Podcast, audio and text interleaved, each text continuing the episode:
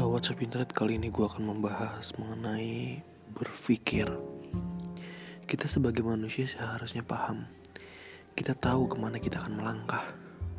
Karena kita punya yang namanya akal dan pikiran. Bahkan kita semua tahu. Kita dilahirkan dari kepala terlebih dahulu, lalu kaki. Dan sederhananya gini, itu semua ada maknanya. Apa itu? Ada pembelajarannya. Seakan kita diajarkan untuk berpikir terlebih dahulu sebelum melangkah.